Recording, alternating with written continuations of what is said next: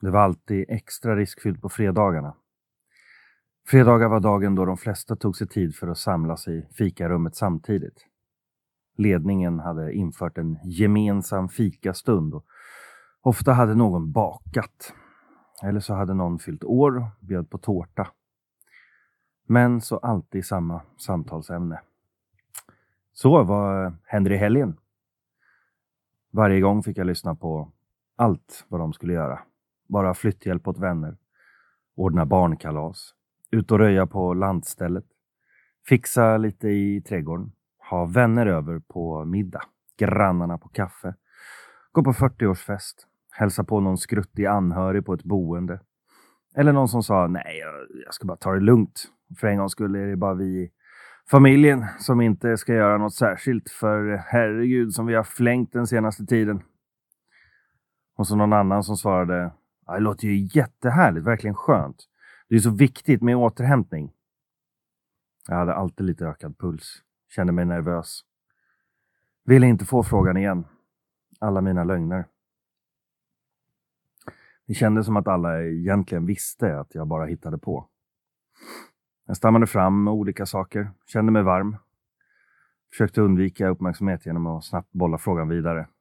Ofta blev svaret eh, eh, Jag vet inte säkert ännu, jag har inte bestämt mig. Det kändes inte lika mycket som lögn som att min syster, som jag inte har någon kontakt med, skulle komma ner från Umeå och hälsa på. Jag har inte bestämt mig än. För jag har ingenting att bestämma mig för. Jag kan inte ens bestämma mig för att återhämta mig på soffan. För det är inte återhämtning att ligga i den varje kväll, varje helg. Det är tvärtom oerhört stressande. Och jag önskade alltid att någon skulle fråga om jag ville hitta på något. Dricka en kopp kaffe, ta en promenad, följa med och träna. Men det hände aldrig på det jobbet heller. Det syns inte. Det syns inte. Det syns inte. Det syns inte. Hur man mår alltså, egentligen. Hej och välkomna till Det syns inte-podden med mig Jessica Andersson. Och det här är ju en podd där vi pratar om allt det som inte syns men som ändå händer där inne på insidan. Idag så har jag med mig en expert. För idag heter ju våra tema Det syns inte när man känner sig ensam. Så jag har tagit hit en expert på ensamhet. Och det är ingen mindre än, nu ska jag se om jag får med allt här då, psykolog, psykoterapeut, författare, föreläsare och sommarpratare. Anna Bennick, hej! Hej! hej, välkommen! Tack, jättekul att vara här. Ja, vad kul att ha dig här. Istället för att fråga hur läget är idag så frågar jag, vad syns inte hos dig idag? Vad händer på insidan? Eh, idag syns inte hos mig att när jag cyklade hit så tänkte jag eh, Gud vad jag börjar känna mig trött. Ja. Alltså jag tycker att mina tankar är lite långsammare, att jag känner mig, jag är en ganska disträ person i vanliga fall, men jag känner mig idag nu på morgonen i olika samtal och så ännu mer disträ och att det känns som att, alltså att även jag bromsar in när alla andra börjar göra det runt omkring. Det är ju faktiskt eh, i början av juli. Mm. Jag tror att det finns så himla många markörer, andra som blir lediga, eh, färre som hör av sig och färre saker man ska göra som också färgar en på något Mm. vis. Även fast man själv inte har bromsat in och är på semester helt och hållet. Så, så jag känner mig så lite långsam person. Vi får se hur det går idag. Ja. Kanske sitta här i flera timmar ja. för att få något ur mig. ja, då är det okej tycker jag. Ja, det får det vara. Hur är det själv? Jo, men jag, jag tror att jag är lite på samma spår som du. Jag tror att det går liksom ett parallellspår i huvudet där jag planerar för semestern. Precis. och att man är liksom lite distraherad av, av det kanske Ja. på något sätt. ja. Eh, även om jag älskar mitt jobb och det jag gör så, så har man liksom sikte på semester och det upptar mycket av min tanketid känns det som. ja, Eh, förstår. Ja, men jag eh, mår bra och är väldigt taggad på det här. Det här ska Ja, bli du, så du kul. ser väldigt eh, energisk och eh, glad ut. Ja, det är mitt face. Ja, det är bra. Det är apropå vad som syns och inte syns. Ja, men, exakt. men den där energin kan ändå lysa igenom lite. Ja, ja men Ja. det är ju bra. Jag får väldigt bra energi av dig också. Bra. Ja, det är bra stämning här i båset.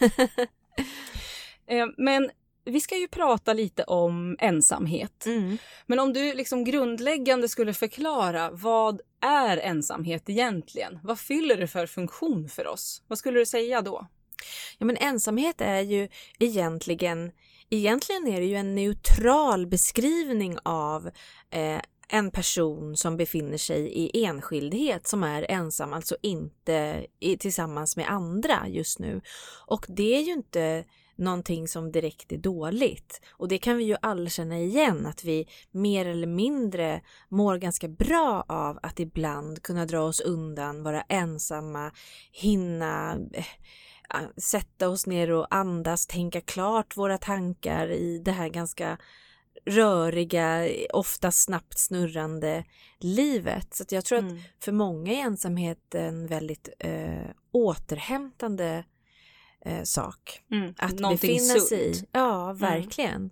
Eh, och det är ju bara när vi inte kan välja bort ensamhet, när vi känner oss klara med den, eh, som ensamheten inte längre känns bra Mm. för oss. Mm. Jag förstår det.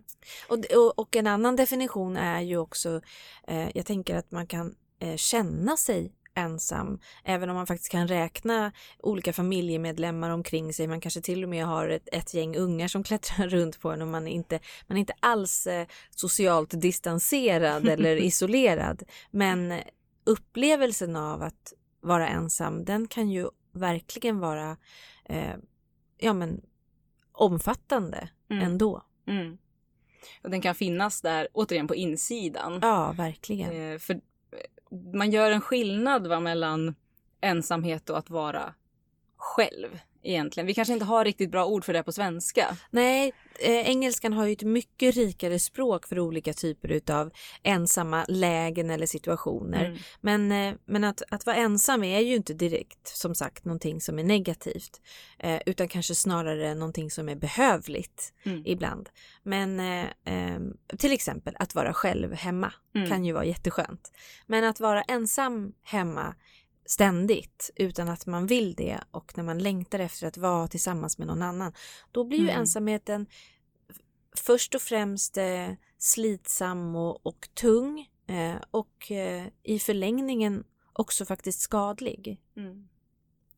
Jag har eh, jag har ju samlat lite olika påståenden som jag tänker att vi kan Mhm. snacka runt lite så här sant eller falskt Ja. genom det här avsnittet. Ja. Och eh, en sak som man hör mycket är att svenskarna är det ensammaste folket. Är det Ja. sant eller falskt? Nej, det där är en myt faktiskt. Det Ja. finns jättemånga studier eh, när man mät, försöker mäta ensamhet i populationer och upplevelse av ensamhet. Så finns det många andra länder som, som rapporterar en högre grad av ensamhet än vad svenskarna gör. Jag tror kanske att den där myten har kommit till av att vi är världens mest ensamboende folk. Vi bor, vi är flest personer som är bara ett huvud i ett boende. Eh, och det tror jag på gott och ont. Eh, det behöver ju, men det behöver ju inte vara en anledning att man känner sig ensam, att man bor ensam förstås.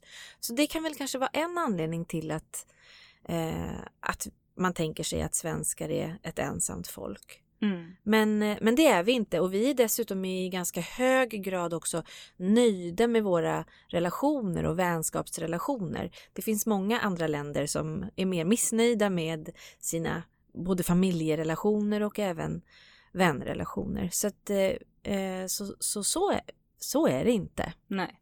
Så vi är, vi är världens mest ensamlevande folk men upplever inte oss själva som, som ensamma. Att säga. Nej, och är inte i högst grad i, i världen ensammast heller. Mm. Ehm, Men därmed inte sagt att vi inte har eh, människor som kämpar jättemycket med ensamhet. Att vi inte är ensammast tar ju inte bort det faktum att väldigt många människor ändå känner sig ensamma och SCB gör ju återkommande studier där man ställer frågor i befolkningen och de senaste siffrorna visar ju att var sjunde person ungefär säger jag har ingen nära vän. Och vad betyder nära vän? Ja men kanske någon man kan vända sig till när man behöver eller känna sig förtrolig med, trygg med att även om jag visar upp det där du vet som inte syns som ni brukar prata om i den här podden eh, så, så kommer jag vara omtyckt och eh, accepterad ändå. Mm. Ehm, och ja, 13 procent eh, sk- önskar att man hade fler vänner och mellan en halv och en miljon svenskar uppger att man känner sig för lite för ensam. Mm. Och, och ungefär 300 000 svenskar idag är socialt isolerade. Eller ja, jag ska säga att idag så är det nog många fler Ja. på grund av pandemin som vi är inne i nu. Mm. Men innan den satte igång och när den också är över så kommer det vara drygt 300 000 svenskar som inte träffar nästan någon person. Mm. Och det är ju alldeles för många. Mm, verkligen. Ja, det är svindlande siffror. eh, Det är Som du faktiskt det. berättar om. Ja. Ja, verkligen. Eh, Vi har ju varit på turné med en musikal. Mm. Eh, Och då träffar vi väldigt många skolungdomar. Mm. Och då har vi också gjort eh, undersökningar själva där eleverna fått fylla i enkäter. Ja. Och då hade vi en enkät där eh, cirka 900 skolelever i åldrarna 6 till 9 fick fylla i. Och då, då sa, nu ska jag kolla här så jag säger rätt siffror här. Får jag bara fråga, Ja, åldrarna 6 till 9 eller i Förlåt. 6 till 9? i årskurs 6 Ah, till okej. 9. Årskurs 6 till 9, precis. okej. Så, till 9. så to- 12 till eh, 16 ja, någonstans? men precis. Ah. I det spannet. Aha. Och då var det, det var 19 procent, alltså vad blir det? En femtedel Mm. av alla som sa att de känner sig ensamma någon gång varje vecka. Ja. Och då frågar man följdfrågan också, hur många pratar om det här med någon? Och, och då svarade mer än 60 procent, 65 procent svarade att de pratar sällan eller aldrig om jobbiga saker med någon Mm. närstående. Mm. Och det är ju otroligt många. Det är otroligt många och mina första tankar när du säger om de, där, de här siffrorna är att eh, 20% känner sig ensamma någon gång i veckan. Det skulle kunna vara eh, någonting som är ett problem men ensamhet är ju också en liksom en existentiell fråga, alltså någonting som Mm. vi alla upplever ibland, inte bara på ett positivt sätt utan på ett negativt sätt, men som är också en del av livet. Det går inte att komma ifrån den där ensamhetskänslan eller vilsenheten eller, Nej. eller liksom känslan att inte vara, an, att vara annorlunda eller vara utanför eller vad det nu kan vara för någonting. Eh, och, och eh, därmed inte sagt att man inte ska försöka göra någonting åt det, men jag tänker att det finns också någonting som är naturligt med att ibland känna sig ensam och särskilt möjligt kanske i, i liksom vuxenblivandet som ju är en, det där högstadiet och puberteten, alltså fy 17, det vill Mm. man inte göra om, inte jag i alla fall. Inte jag heller. Nej, det är faktiskt väldigt vilset generellt. Men, men sen den, den andra siffran som ni har fått fatt i, så har du 65 procent ungefär som Ja. inte pratar om de här sakerna. Där tycker jag är, det tycker jag är ett stort problem och det blir jag bekymrad när jag hör om att det Mm. fortfarande är så eh, för våra unga personer. Därför att om man kunde minska den siffran Mm. så skulle man också minska siffran av hur många som känner sig ensamma. Verkligen.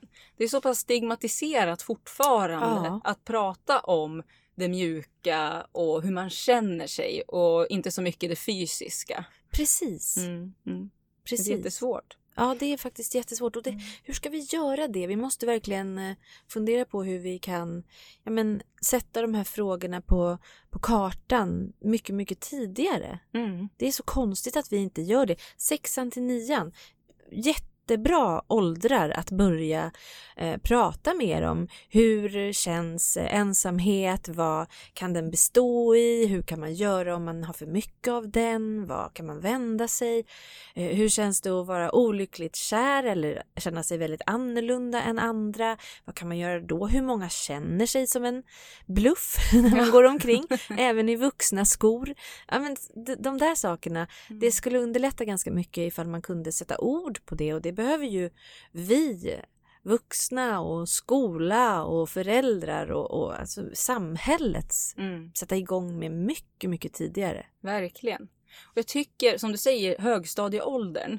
Det är så mycket som, som formar ens vuxna känsloliv där. Mm, Det ja. händer så mycket, precis som du säger, alla de här tankarna som man brottas med och om man då inte kan dela det med någon, Mm. då blir, det, blir ju väl, det blir ju väldigt ensamt eh, på det sättet. Att Det- aldrig kunna dela med någon. Ja, verkligen. Mm. Det är det som är det ensammaste Ja. egentligen. Mm.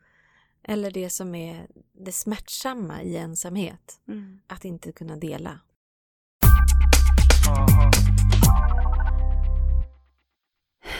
Here we go again, tänkte jag, redan efter en knapp timme av dejten.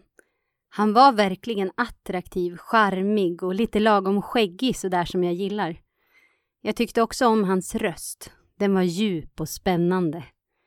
Men nu hade det gått 47 minuter och jag visste redan varför hans föräldrar flyttade från Island till Sverige på 50-talet. Varför han gifte sig så ung. Jag visste en rad detaljer kring hans uppslitande skilsmässa från barnens mamma. Hur han och mamman mår idag. Jag visste barnens namn, deras ålder, namnen på barnens kusiner som de i många år hade rest ihop med till samma hus i södra Italien. Varför han aldrig avslutade ekonomistudierna, när hans intresse för fotografi startade och hur han utforskat världen genom en kameralins sedan dess. Vilka favoritförfattare han har, när han har flyttat in i sin sekelskifteslägenhet i Solna. Varför det sprack med den unga tjejen på hans jobb. Hon var nog sån där borderline. Om ett benbrott efter en skidolycka som fortfarande gör sig påmint. Om hans förhållande till koriander. Om hans bolagsstruktur, hans delägare och vilken uppförsbacke det hade varit för affärerna innan det vände runt 2016.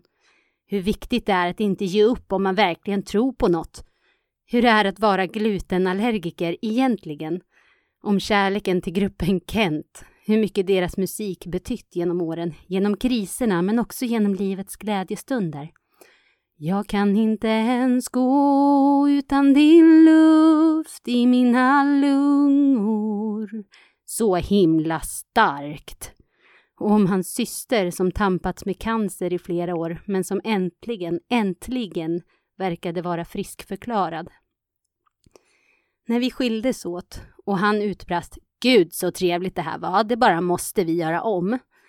Så hade jag material så det räckte och blev över för att skriva hans självbiografi i tre delar. Han visste ingenting om att jag har två barn och också gillar att fotografera.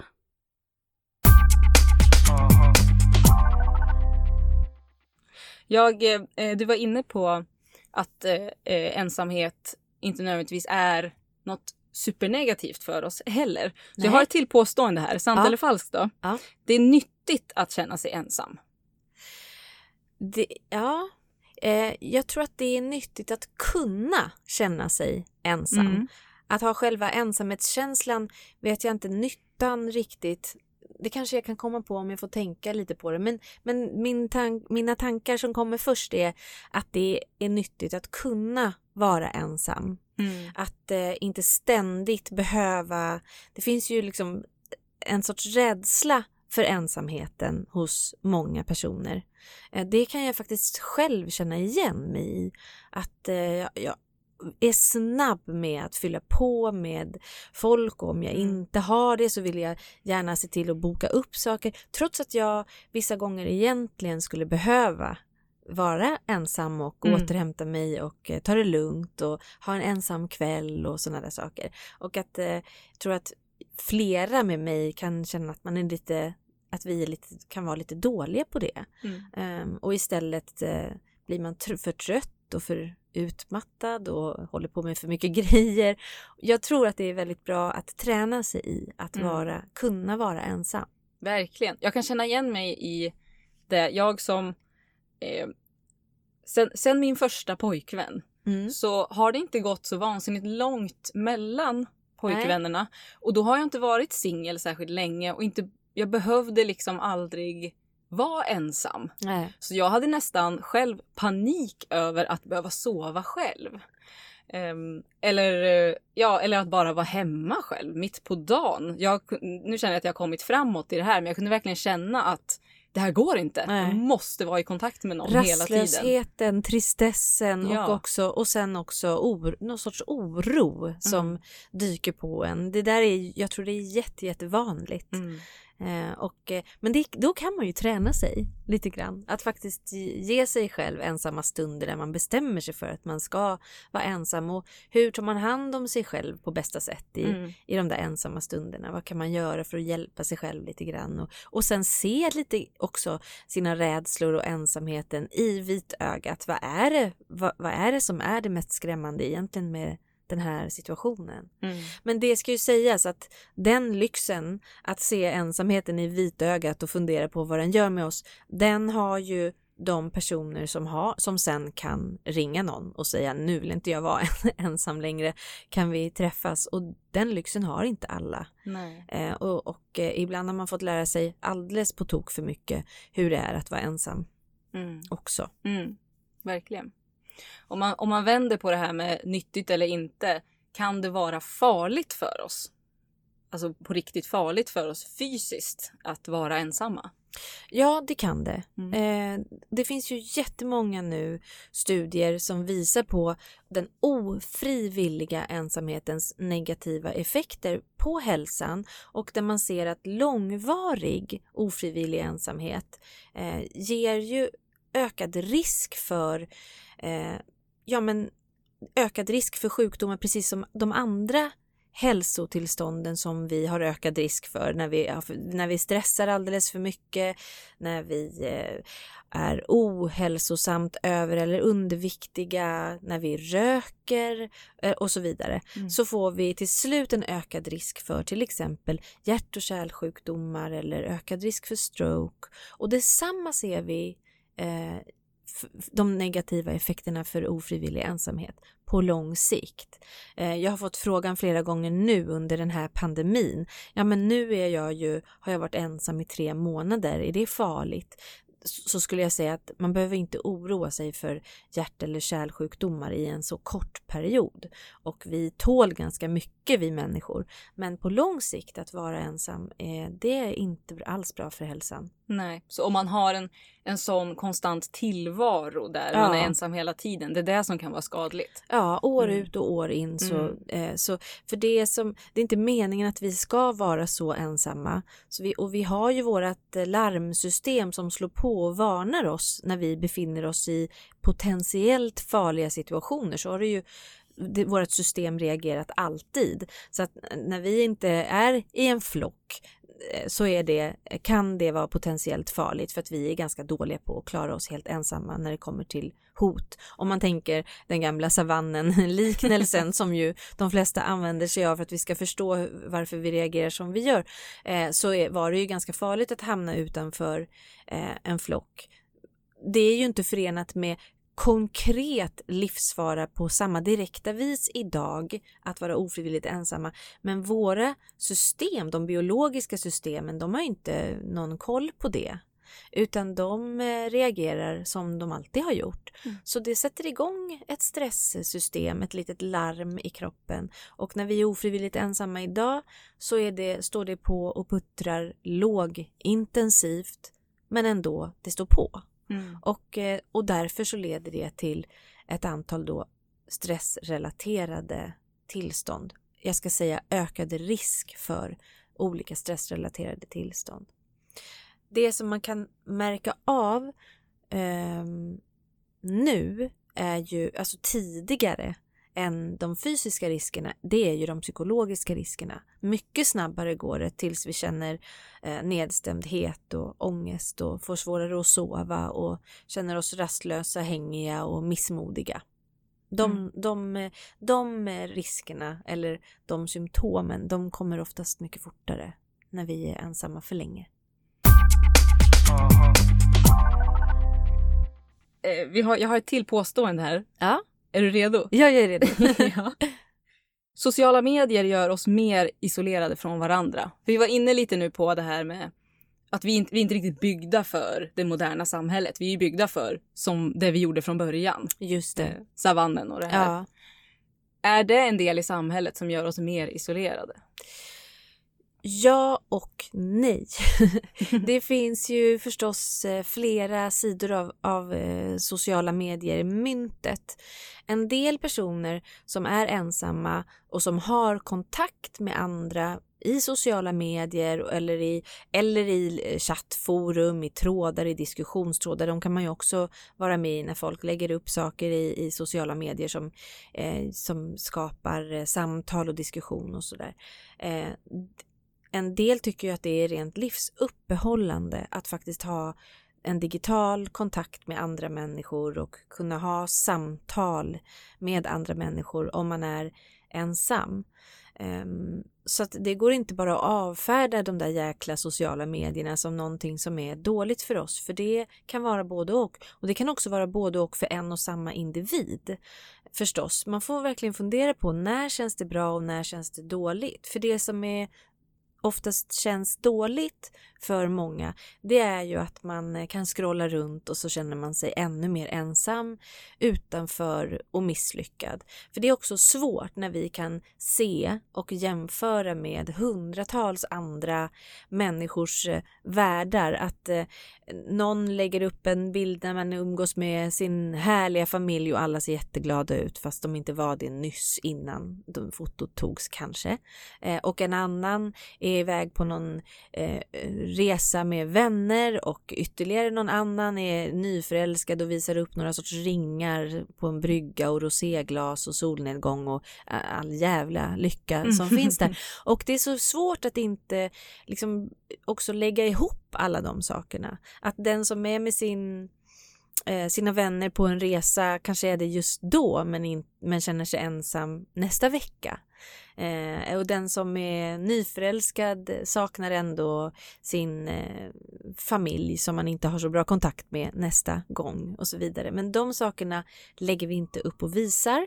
Eh, och, de sak och det blir också svårt för oss att sortera att det här är 200 människors olika liv, ögonblicksbilder, utan vi får en känsla av att alla andra har det så himla mycket roligare och mycket mer socialt än vad jag har. Och det kan lämna en med en eh, förskräcklig känsla av eh, ensamhet. Mm. Förstås. Ja. Så det, det, finns både fördelar och eh, risker med våra sociala medier. Mm. Självklart. Det var väldigt intressant tycker jag att du sa att det inte bara eh, det påverkar en person på ett sätt, en annan person på ett annat sätt, utan vi, det händer mycket i oss och ibland kanske sociala medier är perfekt för mig ja. just den här dagen. Då känner jag att jag är, jag är connectad med andra människor. Precis. Men nästa dag kanske jag får så här tvär-FOMO ja. som gör att jag liksom ja. går ner mig riktigt i mig själv. Ja, det är verkligen så. Det kan verkligen variera både mellan individer, hur pass känslig man är och hur ens liv ser ut i övrigt, men också inom samma individ och att det blir viktigt på något sätt att eh, kartlägga sig själv lite grann. Sådär, hur mår jag när jag har scrollat här idag och vad är det som, vad är mina fallgropar och när tycker jag att det är roligt och ska jag kanske begränsa mig när det kommer till vissa medier, till exempel Instagram. Det, där eh, när jag scrollar så mår jag oftast lite sämre. Men eh, på Facebook i de här intressegrupperna som finns, där eh, får jag ofta igång lite snack och samtal och där mår jag bättre. Så ska jag se över hur jag använder mina sociala medier och hur mycket eller hur lite och så vidare. Mm. Så det blir viktiga frågor att ställa sig.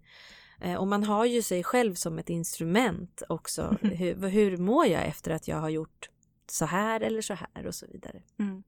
Otroligt svårt kan jag tänka mig att försöka kartlägga sig själv. Men när man väl tagit sig en bit vad det kan underlätta för en i vardagen. Ja, jag tror det verkligen. Mm. Att det ger ganska bra information om hur jag kan göra imorgon för att minska det som gör ont och eh, öka det som känns lite bättre. Mm. Mm.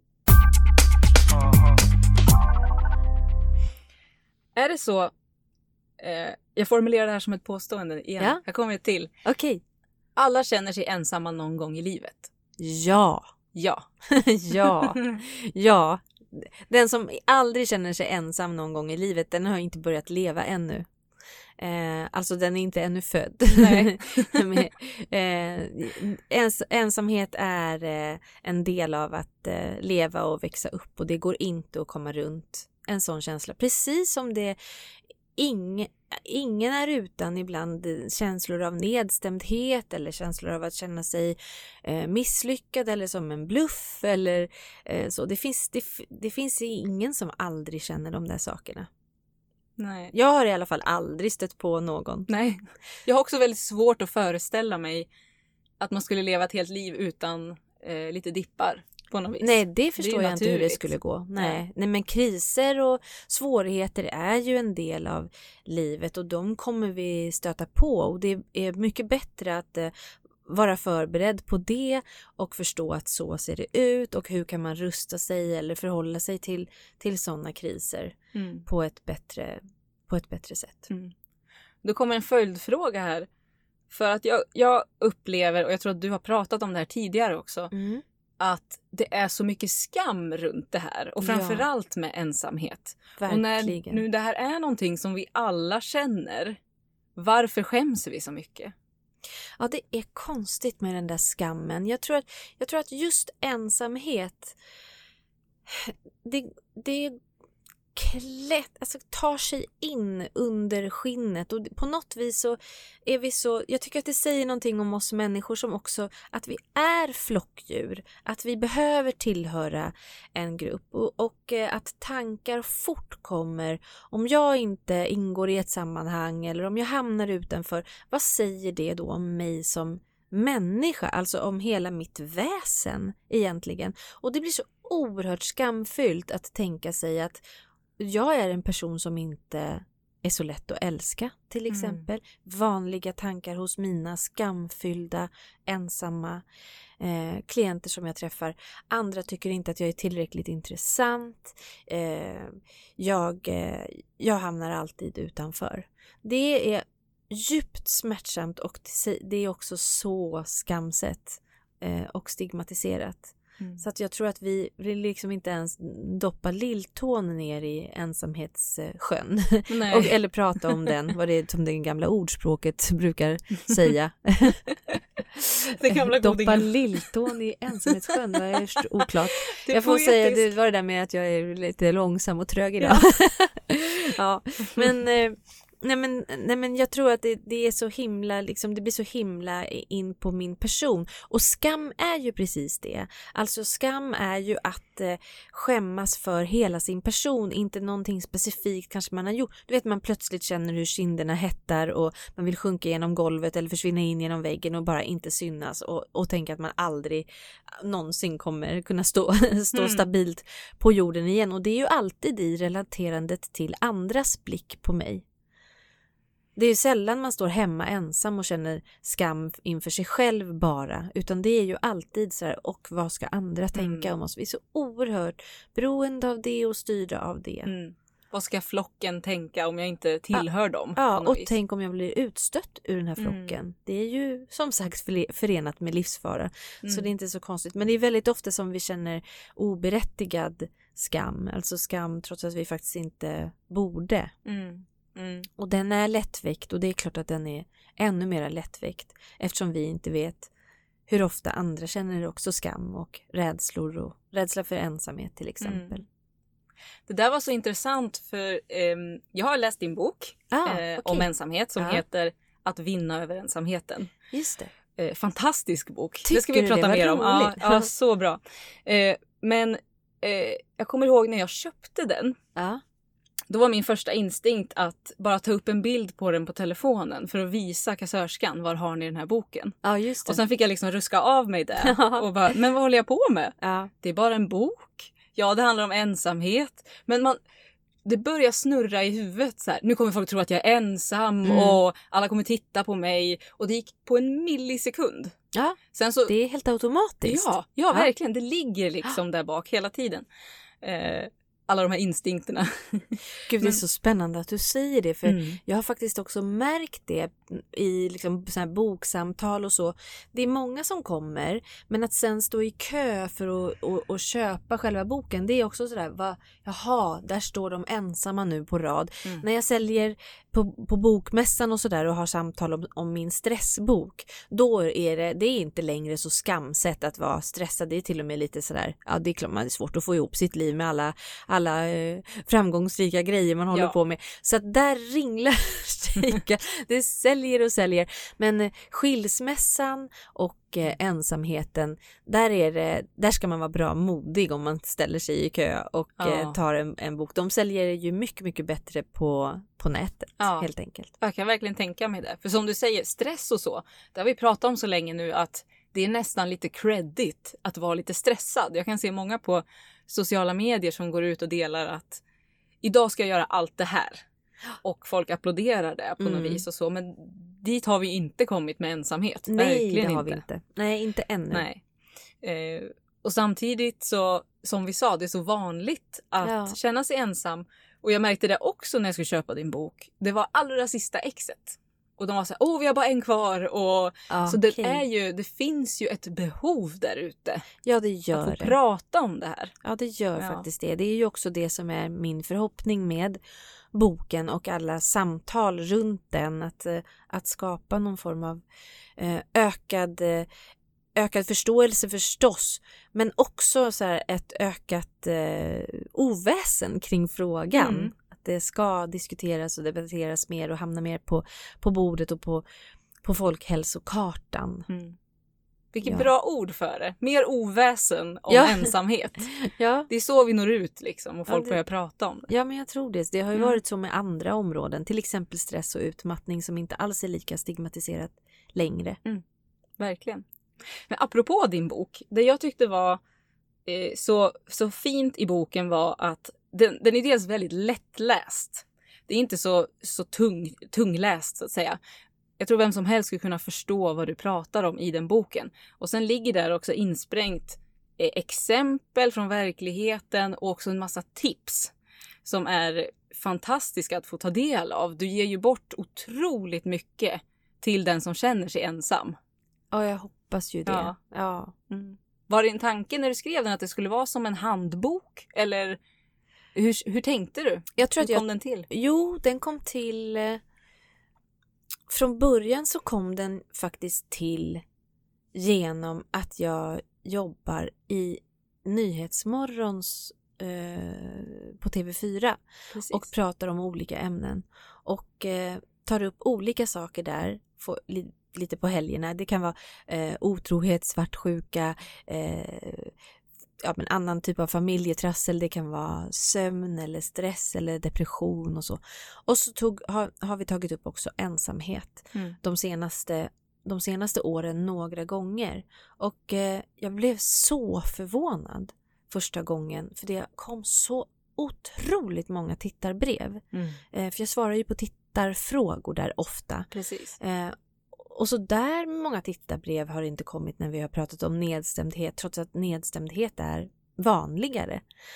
Eh, och jag tänkte väl kanske inte mer på det så där blir det väl ibland. Eh, men när det blev så andra och tredje gången också Mm. då började jag tänka vad är det med ensamhetsfrågan? Eh, frågan?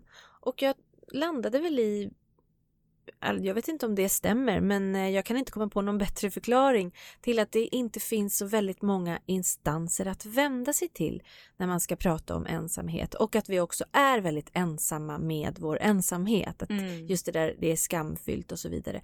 Så min, min tanke med boken var väl två. Dels eh, samhällsfrågan, alltså vi behöver sätta ensamhet på kartan mer. Var ska ensamma människor vända sig? Vad finns det, vad finns det för, inst- ja, men, för mottagningar, instanser, ställen dit man kan faktiskt komma med sin ensamhet nu när vi vet de negativa långsiktiga effekterna av ensamhet. Och den andra delen med boken var just det som du är inne på också, att eh, eh, ja, men skriva någonting till alla de som har skrivit brev till mig genom åren. Mm. Eh, till förstås min mottagning och de jag träffar, men också alla de obesvarade fortfarande breven i, i inkorgen på redaktionen där. Mm. Att, eh, ja, att det skulle vara lätt, mer, ja, någon sorts tillgänglighet till hur kan man tänka om ensamhet, hur kan man förstå sin ensamhet, vad kan man kanske göra för att ta sig ur den eh, om man har eh, jobbigt med det. Det är verkligen ett steg i rätt riktning att, som du säger, göra det här oväsendet om, om ensamhet.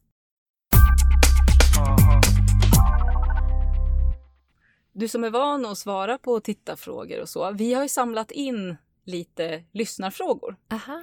Och övervägande så var det en fråga som, eh, som stod ut. Det var väldigt många som undrade det här. Mm. Dels så vill alla vara anonyma i Okej. frågan om ensamhet. Ja, det är Eh, inget konstigt. Nej, verkligen inte.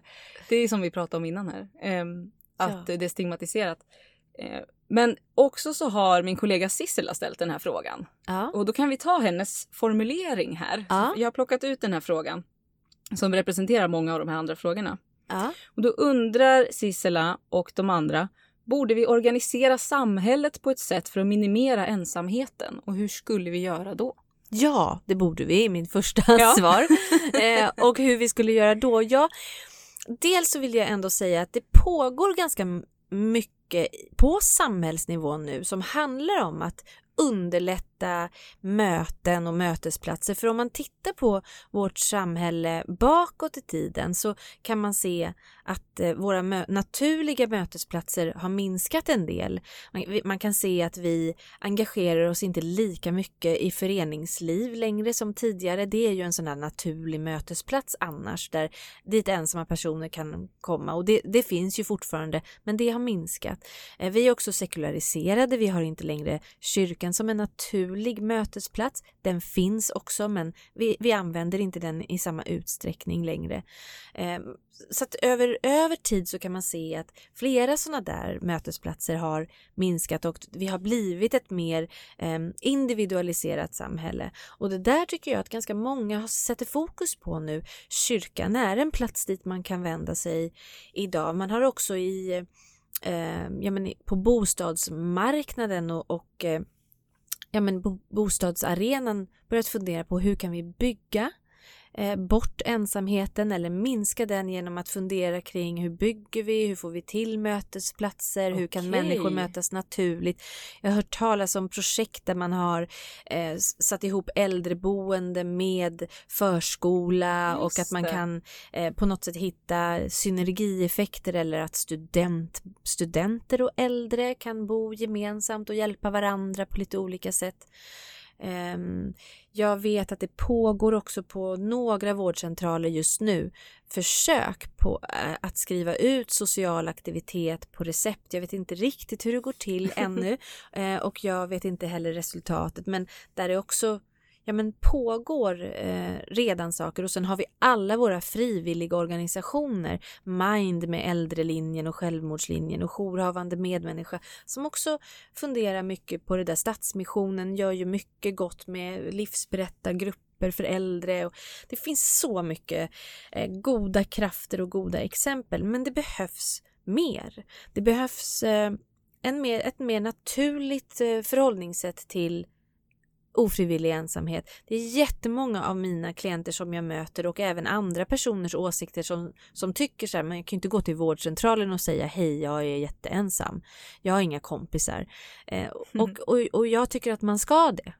Jag tycker att eh, det är konstigt att vi kan gå dit och få hjälp med rökavvänjning, med stresshantering. Vi, vi skickar remisser till stressmottagningar, sömninstitut, till affektiva mottagningar. Vi hjälper till med de andra hälsofrågorna som är jätteviktiga för att vi ska må bra. Men vi behöver också plocka in den här frågan och hitta eh, instanser som kan hjälpa till att jobba med ensamma personer, precis som med, med, eh, med stress eller sömn eller så.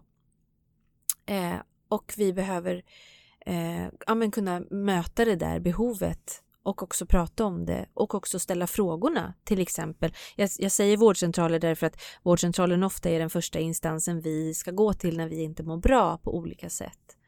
Och i väntrummen på vårdcentralerna sitter det jättemånga med ja just nu är det ju väldigt speciellt då, då i och med virustider. Men i vanliga fall så sitter man där och har ont i ett knä och eh, hals, stora halsmandlar och eh, smärta någonstans och, och så som ju är van, vanligt när vi går till vårdcentralen. Men det är ganska många som också sitter där som är ensamma, som känner smärta för att man är ensam, för det är ett vanligt symptom. Eh, som är nedstämda, det kan också vara kopplat till ensamhet men det behöver inte vara det. Och då blir det blir lite det är lite synd tycker jag att vi har tio läkare och tio sköterskor och en halv kurator. När Mm. en, en tredjedel sitter med saker där man skulle behöva träffa en psykolog eller en kurator eller eh, någon annan person. Det, ser, det är lite, lite skevt fortfarande. På, inte överallt, men på många ställen. Mm. Så vi gör, vi gör mycket rätt. Vi är på väg åt rätt håll. Men vi, vi behöver liksom växla upp lite i det här. Ja, det tycker Och- jag. Det ska kännas lika naturligt att gå till vårdcentralen för ensamhet som för ont i huvudet. Jag tycker det. Mm. Jag håller med dig. Ja. Om man tänker på vad, om vi lämnar samhällsnivå, Mm. vad vi själva kan göra för att, jag tänker om du har några tips på strategier för att motverka min egen ensamhet men Mm. också andras. Man hör ju mycket Ja. här, om du känner dig ensam ska du krama ett träd. Är det tillräckligt? Åh nej, vad sorgligt att gå och krama ett träd om Ja. man känner sig ensam. Träd har väldigt svårt att krama tillbaka. eh, eh, det skulle jag in, faktiskt inte rekommendera just för ensamhet. Kanske för stress eller någonting annat, inte vet jag. Men nej, jag skulle inte gå, säga gå och krama ett träd. Usch, det skulle jag inte säga. Men eh, eh, inget fel på träd och skog och sånt. Och, och så Nej, precis. All bara- kärlek till skogen. Ja, verkligen. Det vill jag ändå säga. Men inte skulle jag inte ge som en strategi. Frågan tycker jag är, är bra och viktig. Eh, i slutändan så handlar det ju alltid om att eh, försöka öka sociala kontakter på olika sätt. Det behöver eh, göras en, liksom, en del saker innan man säger gå en kurs i någonting eller delta där eller stanna på minglet på jobbet som du har eller eh, vi har ju många, det finns ju många tips och tipslistor och eh, de har jag själv bidragit till ibland men det blir så viktigt att säga att det är svårt för en person som har varit ofrivilligt ensam länge att ge sig ut och göra eh, ja, men, olika saker i samhället. För om det var lätt så hade ensamma personer redan gjort det. Innan man är redo att eh, delta i olika sociala evenemang eller gå kurser eller eh, så, så behöver man göra massa saker innan. Och en sak har vi ju varit inne på redan här du och jag, man behöver jobba med skammen. Mm. För den är en otrolig stark hindrande kraft för att ge sig iväg. Om man skäms för hela sitt väsen så vill man inte gå iväg och visa upp det på en AV eller ställa sig och, och prata med någon plötsligt någonstans när man eh, känner, känner som man känner. Det skulle ingen av oss göra med, med starka skamkänslor. Och nedstämdhet är också väldigt vanligt när man har varit ensam länge. Det blir väldigt svårt då att hurtigt sticka iväg och göra grejer när man har eh, orkeslösheten, tröttheten, energibristen och den bristande tilltron till min förmåga att överhuvudtaget bryta den här situationen. Så det krävs en, en hel del sånt arbete och stöd. Kanske också fundera på blygsel. Mm. Eh, eller hur svårt det kan vara att hålla på med småsnack och relatera till andra och hur fasen man gör det. Det är inte helt självklart för alla i befolkningen. En del tycker det är, svårare än vad andra tycker. Så det behövs en hel del oftast stöd och arbete och behandling av andra saker innan man kan gå iväg och vara med i en bokcirkel på bibblan Mm. och eh, prata med folk och så. Men sen är det det som krävs. Mm. Eh, I små steg röra sig ut där man kan hitta folk. Mm. Så att man ser till att lägga sig en grund först där man känner sig lite stark i, i det sociala spelet eller vad man ska säga. Precis, åtminstone inte- lite starkare Ja. eh, och inte lika skräckslagen längre. Mm. Eh, läskigt kommer det alltid kännas. Eh, men att, att vara så pass, vara på en sån nivå så att man kan ta med sig sin eh, rädsla och nervositet och ändå våga ta små steg. Mm. Eh, och sen är det de där små stegen som gäller. Det, det är att eh, gå in på en AV och äga en publik. Liksom. Det är inte det vi ska sikta på riktigt utan snarare öka sociala kontakter lite grann. För det Mm. kommer kännas mycket, mycket bättre än inga sociala kontakter. Ja, Så att man inte också kastar sig in i någonting och det känns inte bra och du sen känner dig misslyckad. Precis. Eh, för att du har försökt och kanske inte vågar försöka igen. Utan, Och så är det med alla Ja. ensamma personer som jag har träffat. Man har gjort sina försök, man har tänkt mycket och sen har det blivit svårt av olika anledningar och så har man fått ingen självkänsla eller självförtroende kvar och då drar man sig undan ännu mer. Mm. Och skammen gör att man tystnar också. Eh, och då blir man ännu mer ensam. Så det Mm. brukar vara en negativ spiral som har tagit fart ganska snabbt. Och den spiralen behöver man liksom bryta och trockla sig ur och sen så ta lite eh, darriga steg åt ett annat håll istället. Och det går oftast, men man behöver nästan alltid lite hjälp med det. Så ja, det är mitt första tips. Eh, be om hjälp. Mm. Vänd dig någonstans där, dit man kan, där man kan få lite hjälp. Lite åt gången. Ja, Mm. Om, om du skulle ge tips på hur vi kan hjälpa varann ja, eh, i ensamheten. ja. Eh, Precis, vi, vi tycker ju oftast att det är svårt att hålla på och peta på eh, ledsna eh, Mm. saker och skrapa på det och vi är ganska ängsliga ibland eh, att vi ska säga fel eller ge fel sorts stöd. Så antingen är- blir vi hysteriskt snabba med att komma med tips och råd. Ja men då, då ska du göra så här och så här gjorde min syster och då är ett, två, tre i en trestegsraket så är det eh, över sen. Eller så drar vi oss undan och eh, tänker att nej men jag ska inte hålla på och väcka någon björn som sover och tänk om det blir värre bara om jag säger så här. Så säger vi ingenting och, eh, och det är ju inte heller så bra. Så det bästa är ju om vi kan försöka närma oss någon som vi tror är ledsen i kris ensam och säga, ställa lite frågor. Hur är det egentligen? Kan jag hjälpa till med någonting? Att man visar att man finns. Det Mm. tror jag är det viktigaste. Mm. Finns det, upplever du att det finns en rädsla hos folk att man ger lillfingret så ska någon ta hela handen och man är Så rädd för tror att jag inte kunna också. ha den tiden. Och, Ja, så tror jag också. Jag tror verkligen att eh, eh, våran eh, effektivitetsromantiska samhälle som jag brukar kalla den här tiden, eran för faktiskt, när jag pratar om stress. Ja, Eh, jag har ord. döpt den till det. Ja.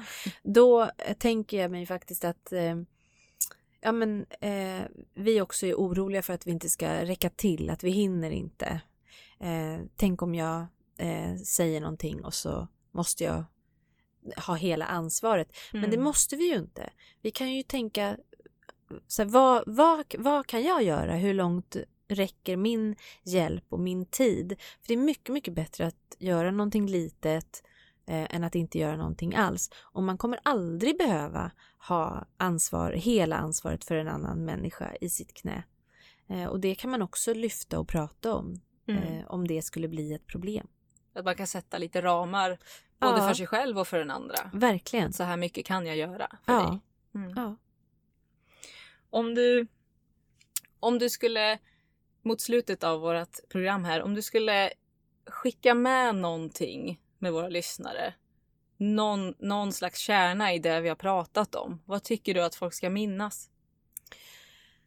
då är kanske det viktigaste att säga till olika människor att, att våga fråga.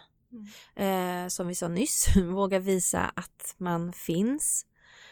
Eh, sen tror jag också att eh, jag skulle vilja att man kommer ihåg att nu när vi har varit i en pandemitid, när väldigt många har varit isolerade, distanserade, i riskgrupp och i karantän, att vi försöker komma ihåg det när den här pandemistormen förhoppningsvis har blåst över inom någon sorts gärna snar framtid.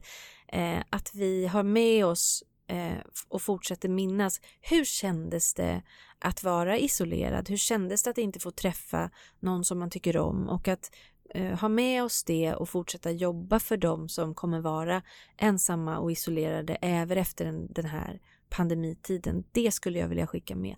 Och till de som är ensamma så tycker jag att eh, ett så himla bra tips eh, kan vara att engagera sig i volontärarbete. Mm.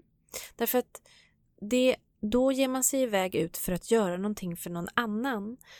Man, får, gör liksom, man kommer åt flera saker. Dels så får man befinna sig ett tag bland folk. Och sen är det faktiskt så att göra gott för någon annan, det slår tillbaka väldigt väl på oss själva. Det kan man verkligen se i lyckoforskning och, och så. Att, att, eh, att göra goda handlingar, det mår vi själva väldigt bra av också. Så det blir liksom flera bra Mm. grejer i. Mm. Man får göra någonting meningsfullt samtidigt som Ja, man träffar kanske lite mer folk och får den här känslan av samhörighet. precis. Mm. Exakt så. Mm. Ökad känsla av samhörighet. Jag tror jag, jag, jag får verkligen med mig så här. eh, Du känner dig ensam men du är inte ensam. Det finns, det finns andra som du kan prata med och alla vi andra vill höra vad du har att säga. Vi vill hjälpa dig som är ensam. Ja, det är många som vill det och Mm. man är åtminstone inte ensam om att känna sig ensam.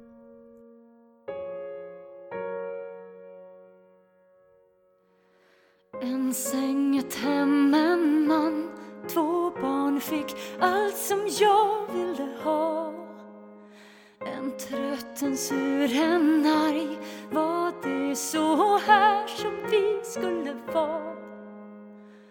Löften om närhet, tillit som bröts Kroppar som aldrig möts Orden som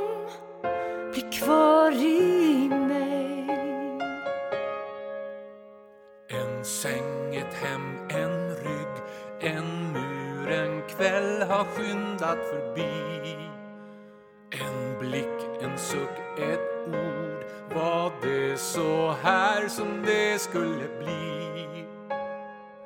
Värme blir kyla, ömhet förakt. Hårda ord som vi sagt.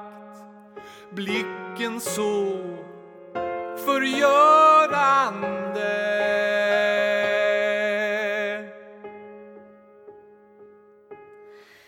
Sträcker ut min hand till dig.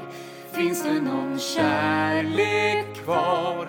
Jag skriker tyst, hörs ingenting Får inget svar. Tro mig, jag vill inte gå Men jag känner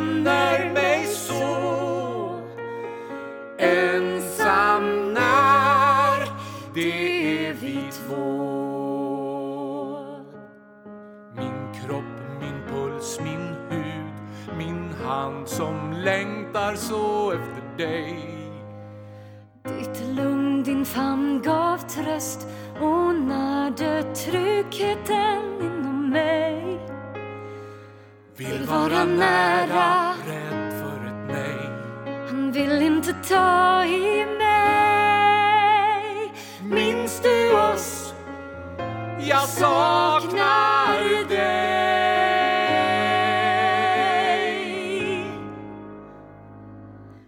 Jag sträcker ut min hand till dig. Finns det någon kärlek kvar? Jag skriker tyst, hörs ingenting, får inget svar.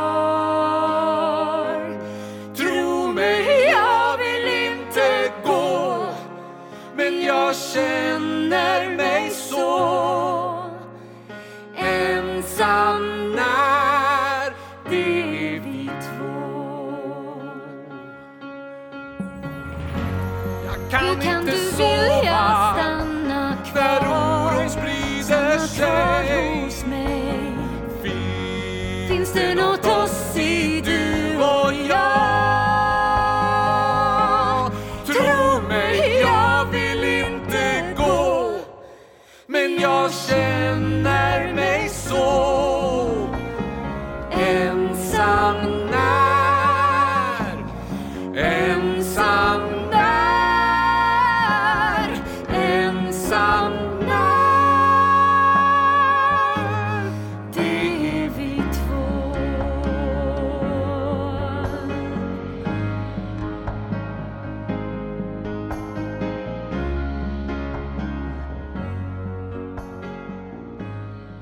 vet du vad, vi ska ju börja runda av här nu. Ja. Gud vad roligt det här har varit. Men berätta för mig om sommarpratet. När ska du sommarprata? Åh, jag ska sommarprata om de här sakerna egentligen och Ja. lite om skilsmässor och andra uh, i sommaren uh, upplyftande ämnen. Eh, den 24 juli ska jag 24 prata. juli. Ja, Då ska vi lyssna på dig prata sommarprat. Ja. Tack så jättemycket för att du ville komma hit och prata om ensamhet med oss. Tack själv för att jag fick komma. Jag blir ju som sagt jätteglad så fort eh, ni, alla ni andra vill föra lite oväsen eh, med mig och med varandra i den här frågan. Det gör vi så gärna. Ja. Tack för att jag fick komma. Tack så jättemycket själv. Då tackar vi för oss den här gången och eh, önskar alla en fin sommar. Just det, Ja. fin sommar. Ja. Hej då! Hej då!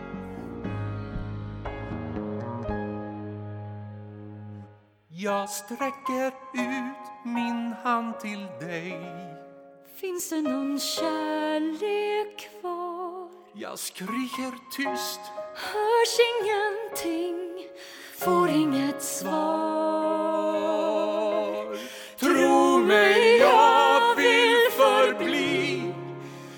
Ett gemensamt vi Imorgon